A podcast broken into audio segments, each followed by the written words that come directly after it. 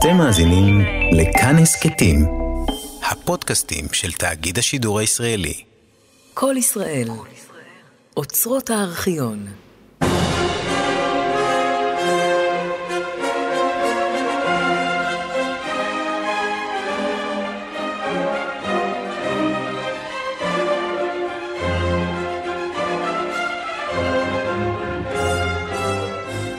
החצוצרות יריו עם שחר, סיפורו של גוסטב מאלר, סדרת תוכניות בעריכת עדה ברודסקי. הפרק העשירי, בבואת העולם. מאלר, צבי סלטון, מגישים איריס לביא וגבי ינון.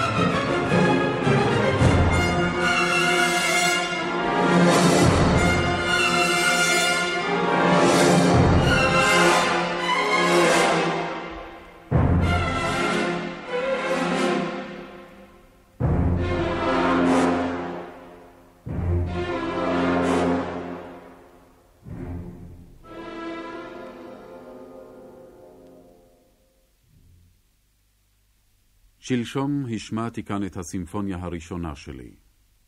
דבר מוזר קורה לי עם כל אותן יצירות מימי עבר. תוך כדי ניצוח אני חש בי מין הרגשה צורבת של כאב. איזה עולם הוא זה, המשליך לפניו צלילים כאלה ודמויות כאלה, כדי לשקף בהם את בבואתו? הסימפוניות של מאלר הן בבואת העולם. זו שליחותן הגורלית וחסרת הרחמים. זהו עולם אשר מן הדין שיהא טוב בתכלית, אבל הוא איננו כזה.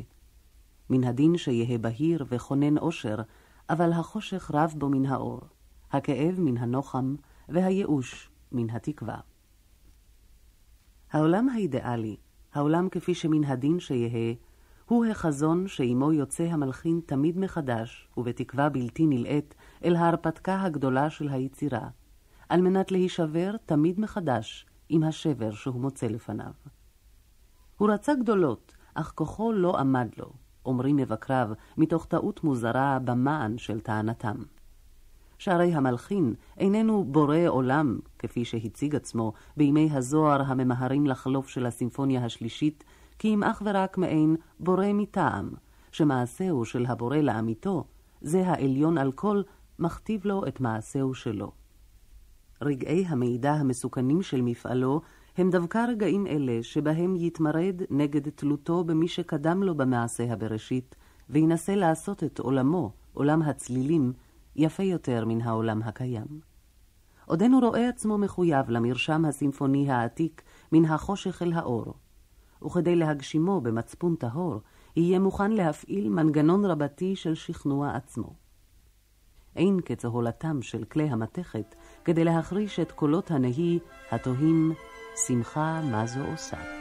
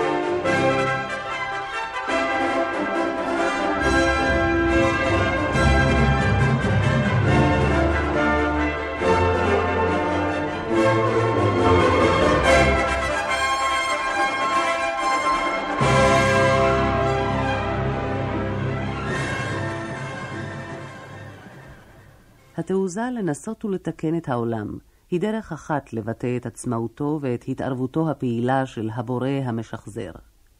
דרך אחרת, אורגנית יותר, מעוגנת בחובתו להזדהות ובזכותו להוקיע. אין הוא בורא בלבד, כי אם גם נברא. הוא עצמו אזרח העולם, כלומר, קורבן. בעודו חושף את העוול, הוא זועק עם המוכים. לא זעקת כאב בלבד, כי אם זעקה של קטרוג.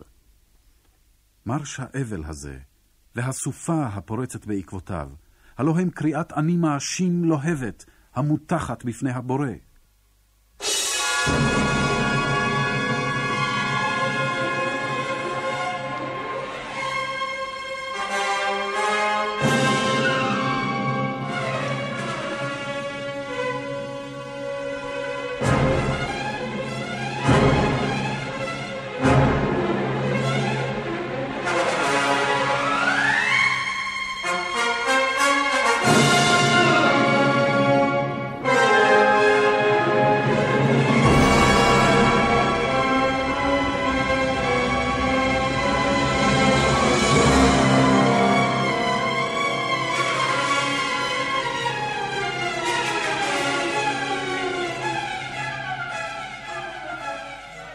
מהם הכלים שמלחין בשלהי המאה מוצא לפניו כדי להרכיב בעזרתם את בבואת העולם? הוא מוצא שפה טונאלית זכותה עד תום שהקרומטיציזם של וגנר, האימפרסיוניזם של דביוסי והאקספרסיוניזם של שוינברג הצעיר כבר הועידו לה מקום בין הגרוטאות. הוא מוצא מתכונת סימפונית, שהרביעית של ברמס והתשיעית של ברוקנר, כל אחת בדרכה שלה, כבר שרו לה את שירת הברבור. הוא מוצא לפניו עקרונות של פיתוח ועיצוב, שמקורם בסוברניות הבוטחת ובמרץ הבונה של המלחין הקלאסי. ואילו לגבי בא כוחו של הבורא, תקפותם מוטלת בספק. אף על פי כן, לא ישב להכין לעצמו כלים חדשים. מאחר שהוא בעל שליחות, עליו להיות מובן, ואם רצונו להיות מובן, עליו לדבר בשפה המוכרת לכל. אף אם יתעקמו הכלים בידיו מרוב הלחץ, ייסדקו וייבקעו, ופה ושם אף יתנפצו כליל. מכל מקום, עדיין ראויים הם לשימוש. גם הצורות הישנות, ככל שהן זקוקות לאוורור ולשינוי בגישה, עוד כוחן עמן להתוות כיוון ולהשליט סדר בסיסי. סגולתה של צורה שנחנה בגמישות. אפשר לצמצמה ולהרחיבה, לחבצה ולנפחה לפי הצורך. ובאשר לעקרונות המונחים ביסודה, עדיין אני מאמין בעקרונות האלה, ורואה בהם יסוד מוסד. נושאים ברורים, פלסטיים, ומזוהים על נקלה גם בעת השתנותם. הרחבה ופיתוח, המבוססים על התפתחות הגיונית של הרעיונות הבסיסיים מזה, ועל עימות רב עוצמה בין המוטיבים המנוגדים מזה. אפשר מאוד שעל אף הכרזה זו יתעורר הצורך, תוך כדי עשייה, בפריצות דרך אלה ואחרות. אבל אחרי התשיעית של בטהובן, הפנטסטית של ברליוז, הפואמות הסימפוניות של ליסט והשמינית האינסופית של ברוקנר, כלום יש דבר כלשהו שעודנו בגדר בל יעשה?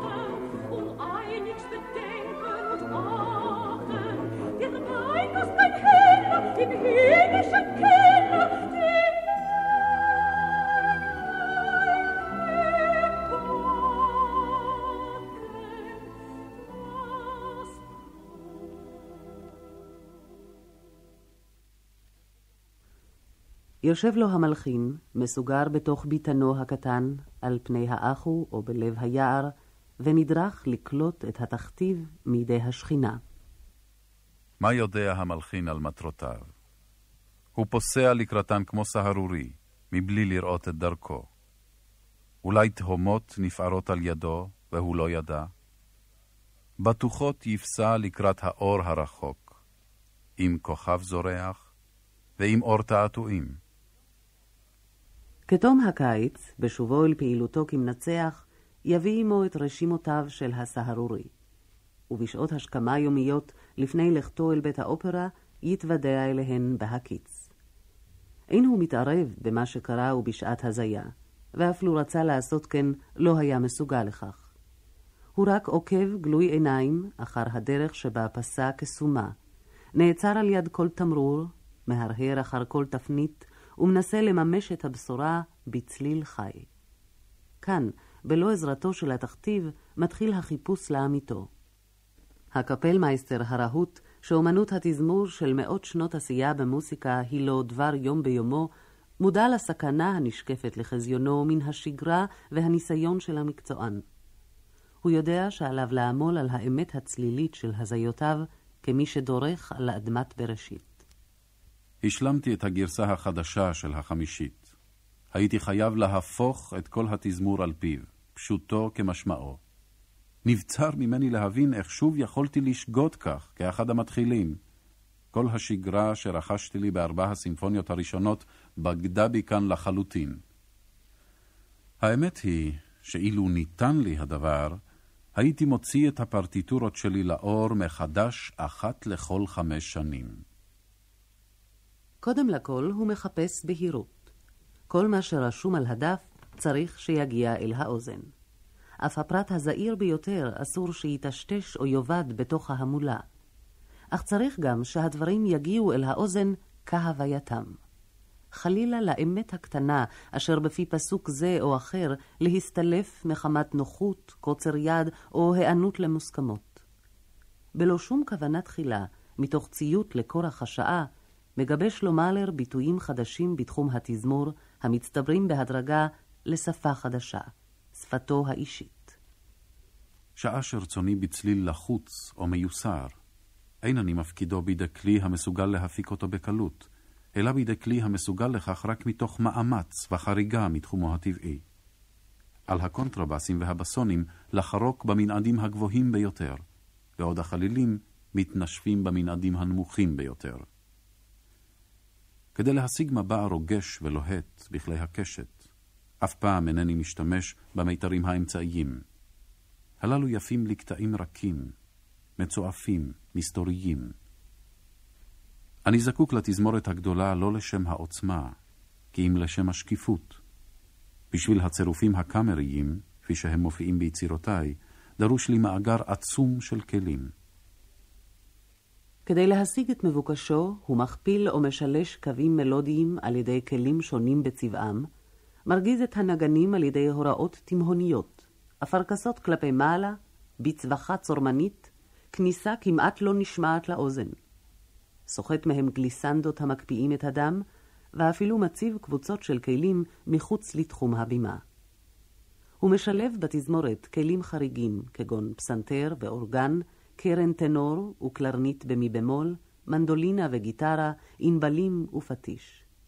שום מאמץ אינו גדול מדי כדי להשיג את המטרה. את זוכרת בוודאי שבסוף הפרק האחרון של השנייה מופיעים צלילי פעמונים, שאף אחד מכלי התזמורת אינו מסוגל להפיק כדוגמתם. מלכתחילה ידעתי שרק אצל יוצק פעמונים אמצא את הישועה. סוף סוף גיליתי את האיש המתאים. כדי להגיע אל סדנתו נחוץ לנסוע כמחצית השעה ברכבת. יצאתי לדרך עם השכמה. הכל היה מושלג להפליא, והכפור הניס את שרידי עייפותי האחרונים. ברידתי מן הרכבת עשיתי את דרכי בין אורנים ואשוחים מכוסים בשלג. כנסייה יפה התנצנצה בשמש החורפית, וליבי נפקח לרווחה.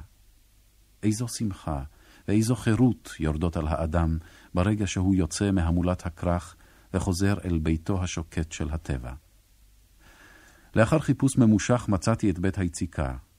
אדון זקן ונעים הליכות, לבן שיער וזקן, בעל עיניים רוגעות ומפיקות נדיבות קידם את פניי. הוא הראה לי פעמונים נפלאים, בהם אחד גדול וכביר, המיועד לקתדרלה החדשה. מצלולו היה אדיר ומסתורי כאחד. משהו כזה תיארתי לי בשביל יצירתי. אבל עדיין רחוקים הזמנים שרק היקר ביותר והמובחר ביותר ייחשב מתאים לשרת את יצירת האומנות. ולפי שעה בחרתי לי כמה פעמונים צנועים יותר, אך תואמים את צרכיי. ונפרדתי מעל הזקן היקר לאחר ששהיתי במחיצתו קרוב לשעתיים.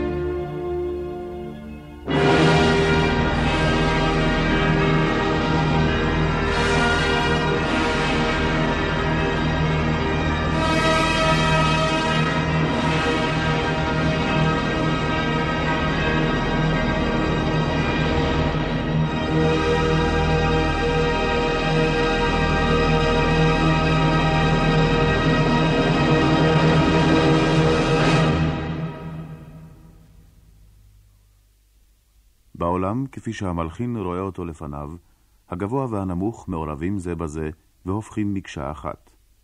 שיטתו של היוצר הקלאסי היא שיטת הניפוי, רק חומרים צרופים יפים לו למלאכתו. מאלר אינו רשאי לנהוג כך. בבואת העולם אינה מכירה בצווים של טאבו. שאיפתו הנשגבה של המלחין מעניקה שגב לאחרון פזמוני הרחוב. מאלר הוא האיש המתאים למעשה מרכבה זה של עליונות ותחתונות. פגישתו הראשונה עם המוסיקה התרחשה ליד פתחיהם של בתי המרזח, ברחבות היריד ולפני שערי הקסרקטין. גן עדנו האבוד מוליך חזרה אל מנגינת הלכת, אל תרועת החצוצרה, אל ריקוד הפונדקים, אל השיר בפי המשרתת ואל עיוותו בפי השיכור. הוא נוטה חסד גם לנגינות המצוחצחות של בתי הקפה הבינאיים. הוואלס מתוך האלמנה העליזה מצית בו גיצים של חדוות חיים. כל אלה מוטלים עתה אל הכור המצרף הסימפוני, ומותחים יחד עם חומרים אחרים, נאצלים יותר, כדי להפיק את היצירה הכוללת.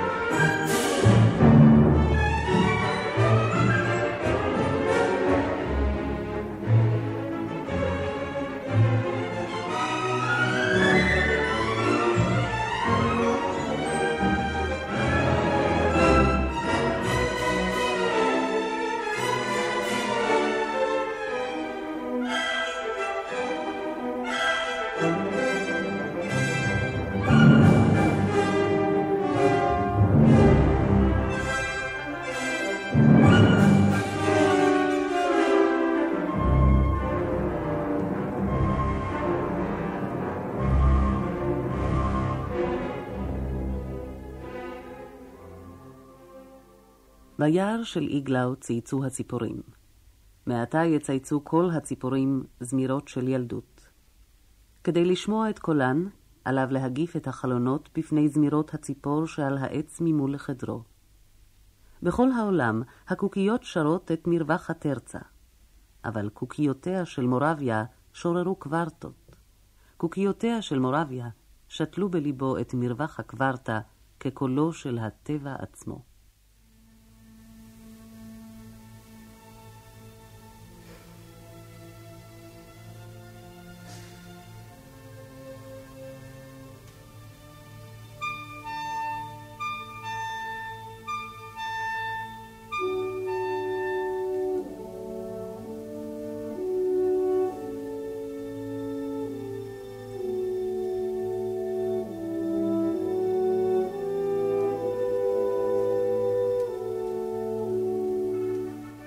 ביער של איגלאו צייצו הציפורים. הרוח רחשה בעצים, פלג שכשך אי בזה, עלים יבשים רשרשו תחת נעליו של הילד, כל גרזן היכה בעץ, שומר היער קרא קריאות לעבר הפועלים, מישהו נתן קולו בשיר. עגלה התנהלה בחריקה על פני השביל, ואז נשמעה קרן הדואר.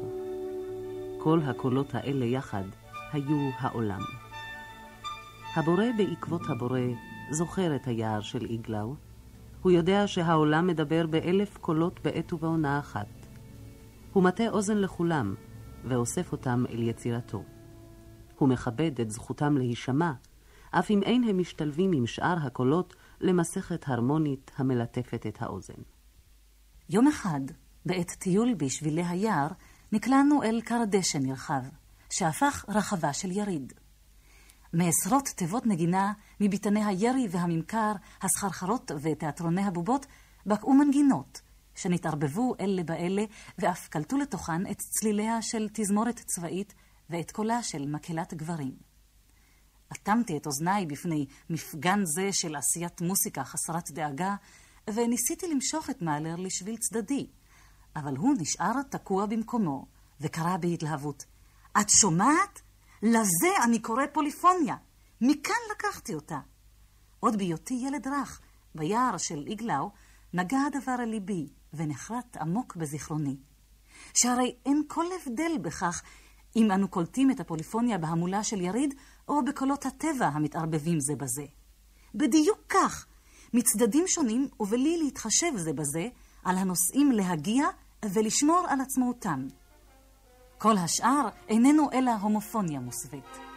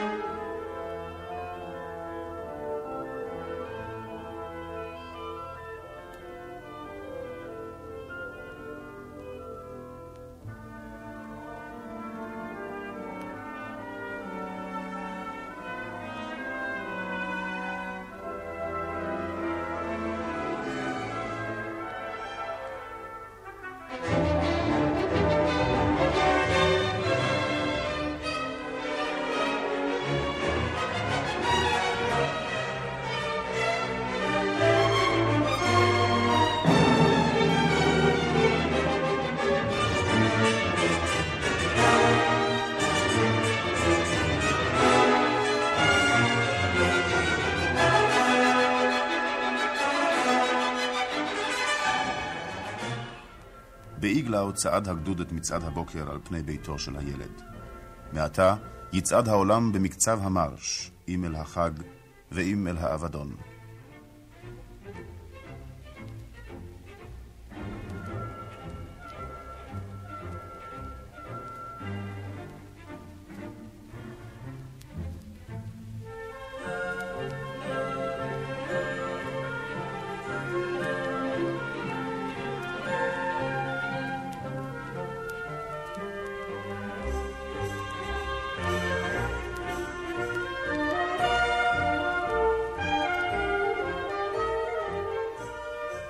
הוא יצעד בעליזות, הוא יצעד בקולניות משתוללת, הוא יצעד באיום דורסני, הוא יצעד באבלות קודרת, מלווה אל קברו דבר כלשהו, אולי שאיפה שנכשלה, אולי תקווה שנתבדתה.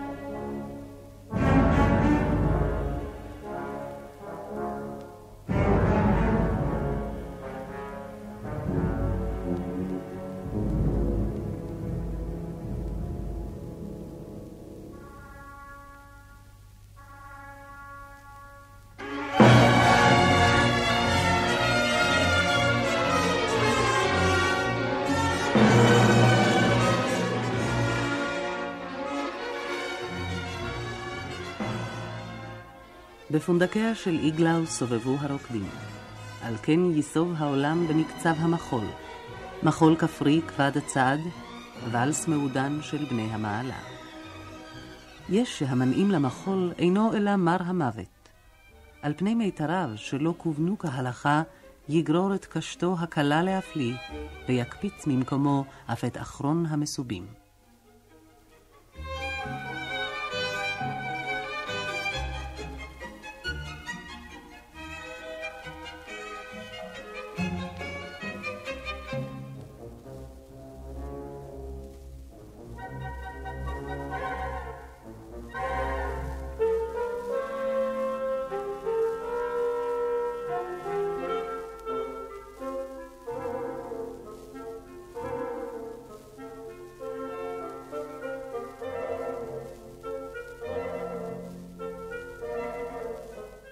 אמונה תציל ממוות. המנונם של המאמינים הוא הקורל. יש שההשתלשלות כולה מוליכה אליו כנציג הגאולה עלי אדמות, ויש שהוא מזכיר את קיומו בהתפרצות נועזת אל תוך מרוצתו של עולם. ברק הנחושת יפה להשתיק את מחאתם של אלה שרשמו על דגלם את האני מאמין של הכופרים.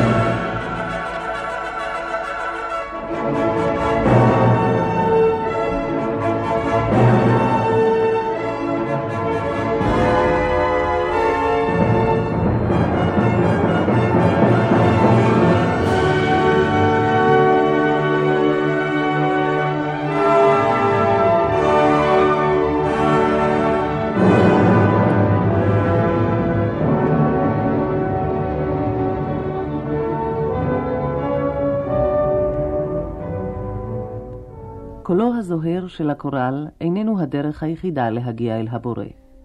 אפשר גם לנסות ולהגיע אליו באותה מחוות כיסופים שבתחינה, הקורעת את המסך מעל פני השמיים, ולרגע חולף מטבילה את העולם באור יקרות שכמותו לא נודע בשום מקום ובשום זמן קודם לכן.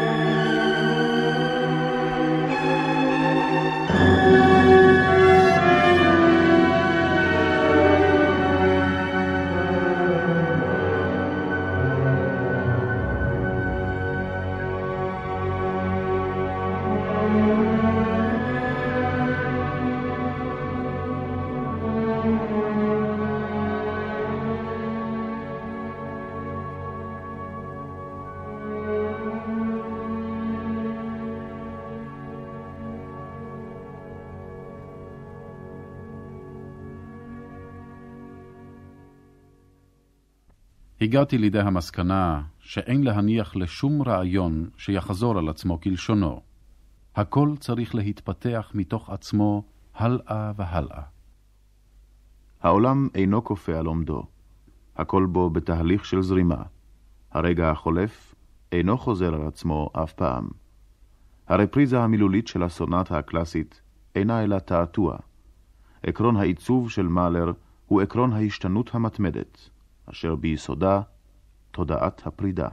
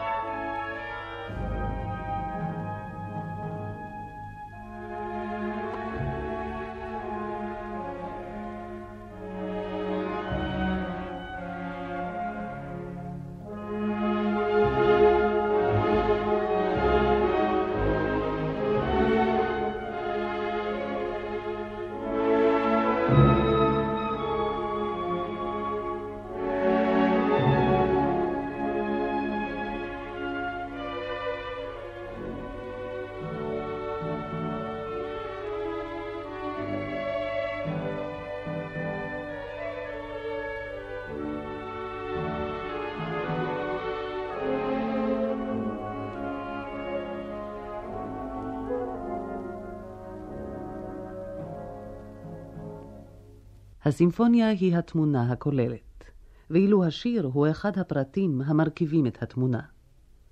המהלך הסימפוני עובר על פני הפרט הזה אל פרטים אחרים, ואילו בשיר הוא מושך אל עצמו את מלוא האהבה והדבקות, ומתעצב בעזרתן לכלל יציר מיניאטורי, אך שלם באמירתו ובצורתו. השיר והסימפוניה, עם כל כותביותם, שייכים זה לזה וזקוקים זה לזה. שירי השוליה הנודד מזינים את הסימפוניה הראשונה. את השנייה, השלישית והרביעית מלווים שירי קרן הפלא של הנער, קובץ שירי עם הלוקה בהיעדר עריכה מדעית ובעודף עריכה פיוטית בידי שני המשוררים המלקטים ארנים וברנטנו.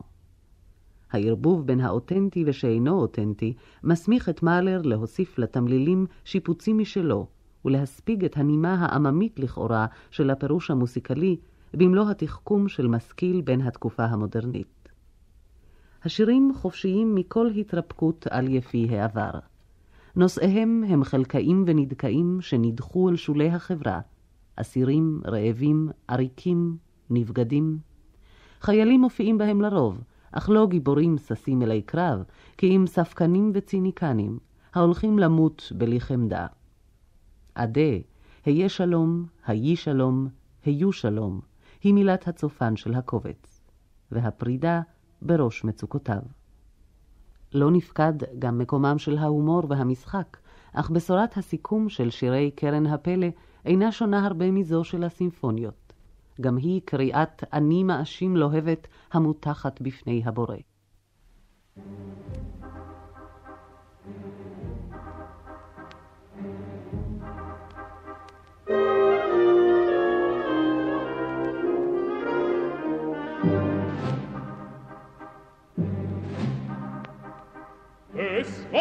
zwischen Frein und Vieren, da müssen wir Soldaten marschieren. Das ist ein Auf und Ab. Trallalei, trallalei, trallalei,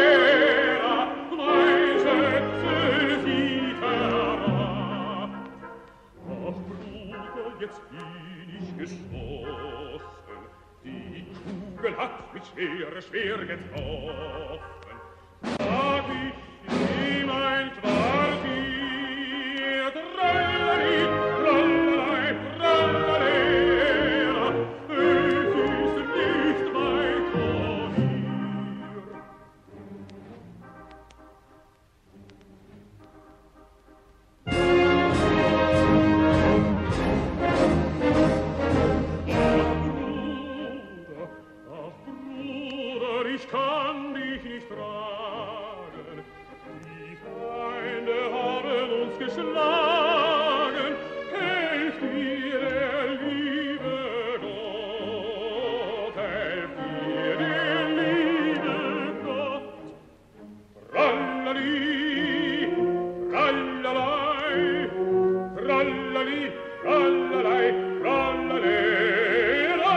ich muss, ich muss marschieren bis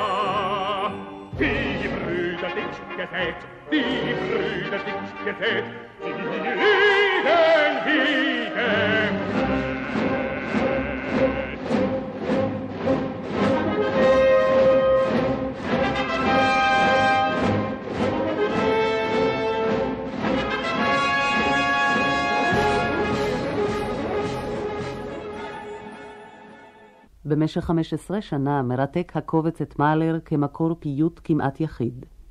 שנים אחדות לאחר שנזנח והומר באחר, נקראות שתיים מדמויותיו למפגן סימפוני אחרון. הנער המתופף, המובל לתלייה על עריקה, והנער המתופף הקם משדה הקטל ומתייצב בדמות שלד לפני בית נערתו, צועדים יד ביד בנגינת הלילה הראשונה של השביעית.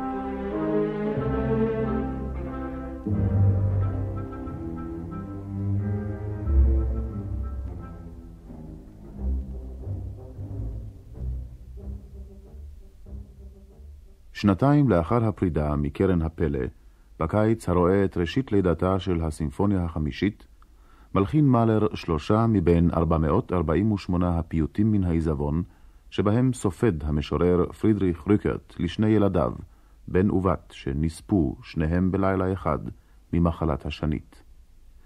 מאלר משלים את המחזור מקץ שלוש שנים ומעלה את מספר השירים לחמישה. בינתיים היה אב בעצמו, אך אין הוא מקשר את מות הילדים עם שתי בנותיו הקטנות, המשחקות בארגז החול בגן שלפני בית הקיץ במיירניג. חוויית השכול שנענתה לקינותיו של ריקרט ניזונה ממצוקות הילדות. שש פעמים ראה את הוריו כשהם מביאים את אחיו ואחיותיו הצעירים לקבורה. עם פטירת ההורים, בשעה שהוא מתמנה לראש משפחה בעל כורחו, הוא מקבל לידיו גם ירושה מרה זו. אחיו אוטו צעיר כישרוני אך סבוך נפש ומתוסכל, מתאבד בירייה בדירת ידידה בווינה. בפתק שהשאיר אחריו הודיע ששבע את החיים, והרי הוא מחזיר את כרטיס הכניסה. על אחיו הבכור הוא מטיל את השכול והרגשת האשם, ואת החובה לעמוד בהם, מבלי להישבר.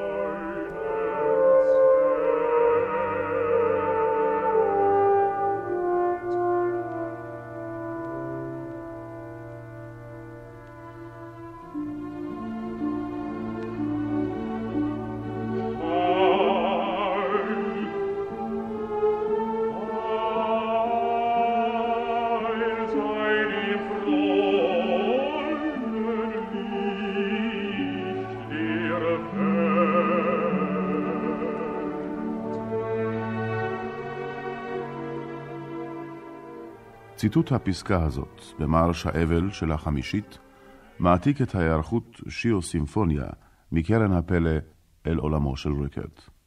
חמישה שירים אחרים למילותיו של אותו משורר, הנולדים בצד שירי מות ילדים, מבצרים ומעמיקים את הקשר הזה. באדג'טו של החמישית מתרפק מנצח האופרה העסוק ביותר בעולם על אוטופיה של התנתקות, שבה המוזה של ריקרט והפסטורלה של אגם ורטר עושות יד אחת.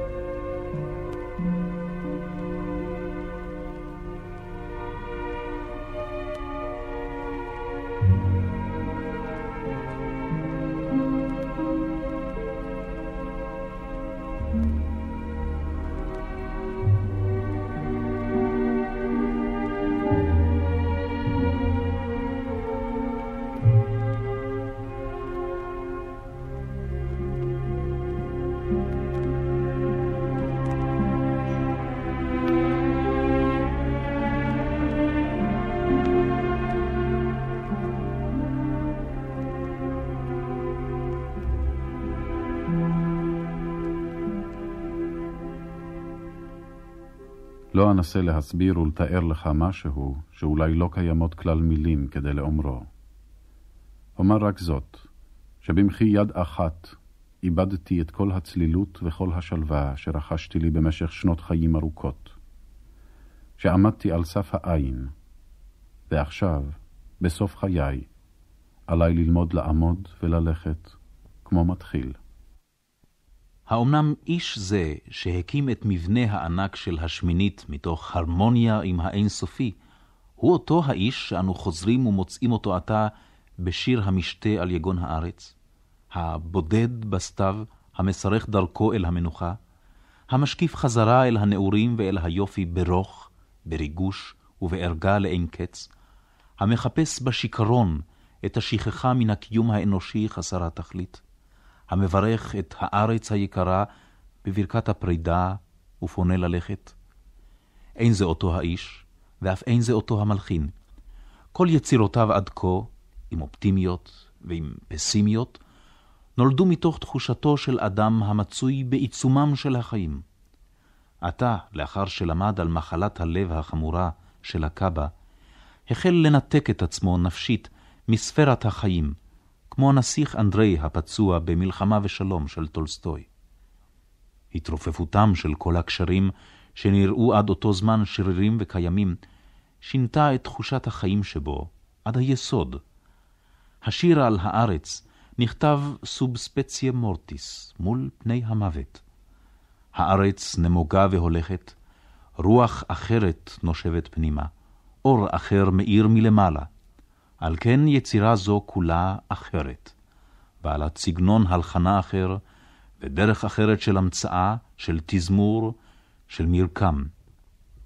את הפרטיטורה מסר לידי בשנת 1910.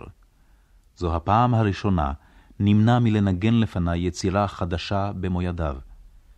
נראה שחשש מפני ההתרגשות שהייתה כרוכה בהכרח במעמד אשר כזה. תוך שהתעמקתי ביצירה, עברה עלי תקופת התפעמות שאין לתארה. גם חיי שלי היו לאחרים, לנוכח הצלילים השגיוניים, המרים, צלילים שבהשלמה, בהתרחקות, בפרידה.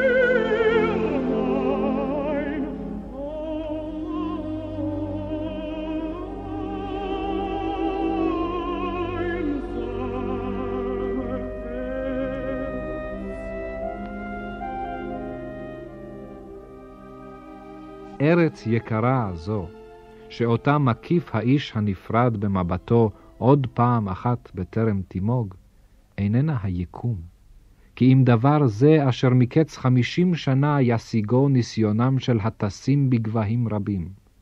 כוכב. לא מרכז הבריאה, כי אם דבר זעיר ובן חלוף. אל התנסות זו מתחברת התקווה הנוגה להימצאותם של כוכבים אחרים, שבהם מתגוררות בריות מאושרות יותר מבני האדם. אך הארץ, שהתרחקה מעצמה, חסרה את התקווה שבישרו הלפנים הכוכבים.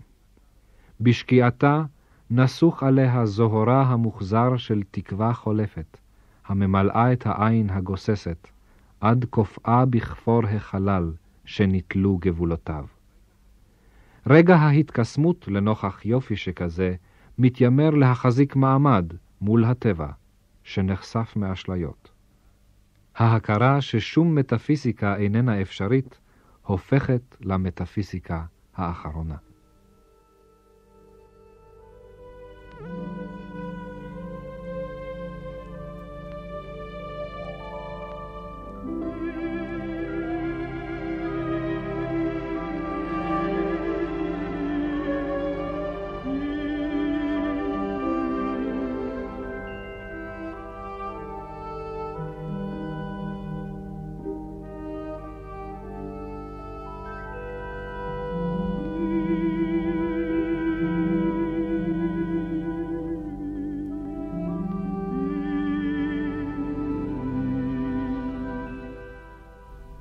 השיר על הארץ הוא לסימפוניה התשיעית, מה ששירי קרן הפלא הם לסימפוניות הראשונות, ושירי ריקרט לסימפוניות האמצעיות.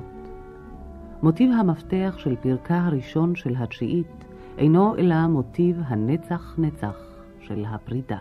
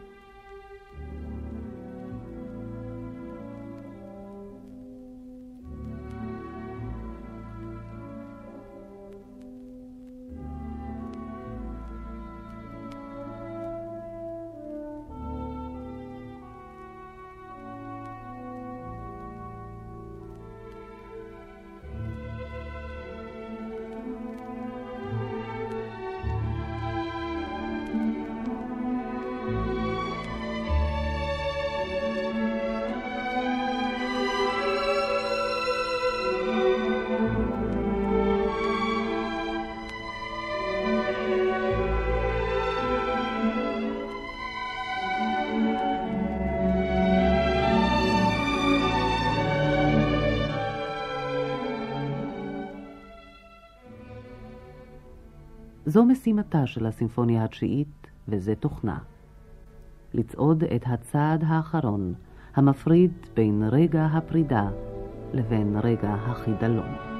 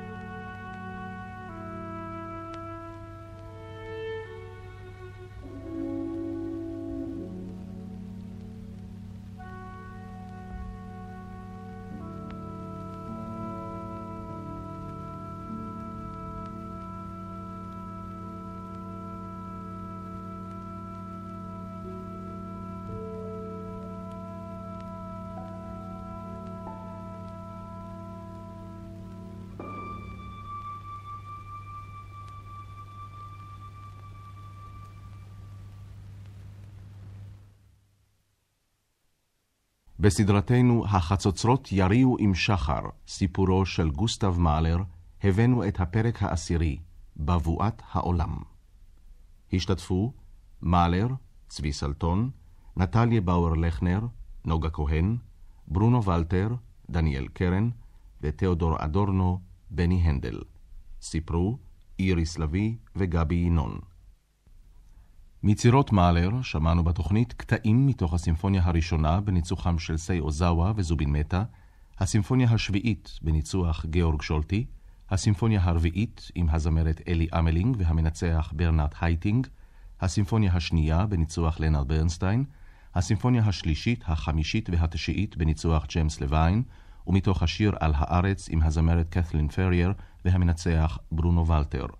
דיטריך פישר דיסקאו, תחת שרביטם של גאורג צל וקרל בום, שר מתוך קרן הפלא של הנער ומתוך שירי מות ילדים.